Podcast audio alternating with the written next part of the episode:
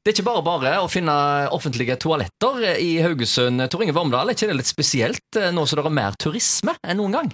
Jo, både for turister, av hensyn til turistene, men også av hensyn til byens befolkning. Folk som skal ned eventuelt i byen og handle, eller kommer fra distriktene, så er det ikke toaletter. Det, er, det syns jeg er en skam at en by ikke greier å ha eh, offentlige toaletter tilgjengelig.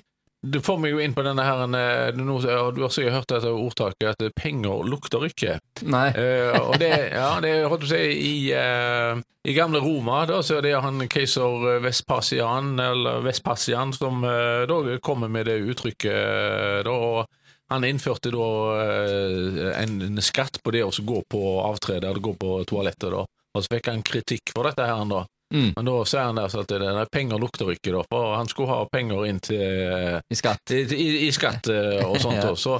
Men eh, selv om eh, vi har jo i Hvis du går en del år tilbake i tid, så hadde jo Haugesund offentlige avtreder eller toaletter. Jo, altså Flåttmyr er kanskje det folk kjenner best eh, til, mm. eller husker.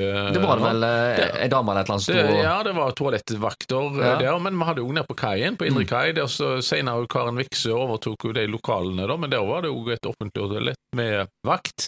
Så vi har hatt, og på Landmannstorget, hvis du går før Hotell Saga ble bygd, så var det òg mm. offentlige toalett der. Og da hadde du betjent toaletter eh, og sånt. Og det ble sett på som en service for byen. At det, skulle du uh, ha handel i byen og få folk til byen, så var det det På kjøpesentrene så har de jo har toalettfasiliteter. Så ja, da, de, de, har det, men kjøpesentrene er jo ikke åpent overalt. Så vi kan, nei, nei. Det, det, det, er jo ikke forlange at kjøpesentrene skal stå som toalettvakter for Haugesund. Og Haugesund tjener jo nå på at det kommer turister til byen, så det syns jeg at vi burde ta oss og Eh, setter på eh, budsjettet at en òg eh, får til et toalett for byens befolkning og for turistene sin del. da.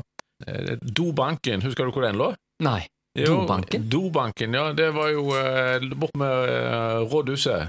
På hjørnet der så er Specsavers i dag. Ja, der, ja stemmer det. Der ja. var det offentlig toalett. Ja. Der var det, det offentlig toalett, og de gikk jo veldig altså, Dette med debatten om toaletter, offentlige toaletter, det er jo ikke ny, det har alltid vært oppe, det, og hvor mye penger skal de bruke på dette. og sånt. Og, men, eh, og så mangler de da, Sør i byen mangler de toaletter. og så til, etter eh, mange mange, mange år så ble det da bestemt at en kan, eh, i forbindelse med at den gang Haugesund Forretningsbank, senere DNC, ønska å bygge en filial, så skulle de få lov til det hvis de da òg tok og så lagde til en ordning med et offentlig toalett. Så ble det både en kiosk der og et offentlig toalett og en bank. og det var jo Haugesunds Forretningsbank ble jo senere DNC, og de hadde en liten filial der. og Da ble alltid den kalt Dobanken, da, fordi mm. det var det, det toalett der. og Toalettet ble da drevet av den som da drev uh, kiosken og sånt. da.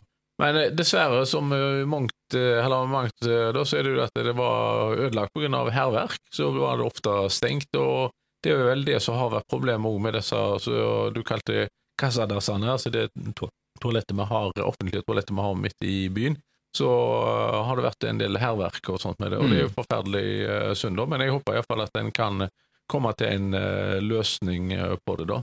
Var jo altså tips til et fint toalett for de som eventuelt er i byen og er trengende, da, så har du jo Haugesund folkebibliotek, der er det jo flott toalettanlegg. Ja, vi skal snakke mer om offentlige toaletter i Haugesund om få minutter når Tor Inge Vormedal er med oss igjen i studio.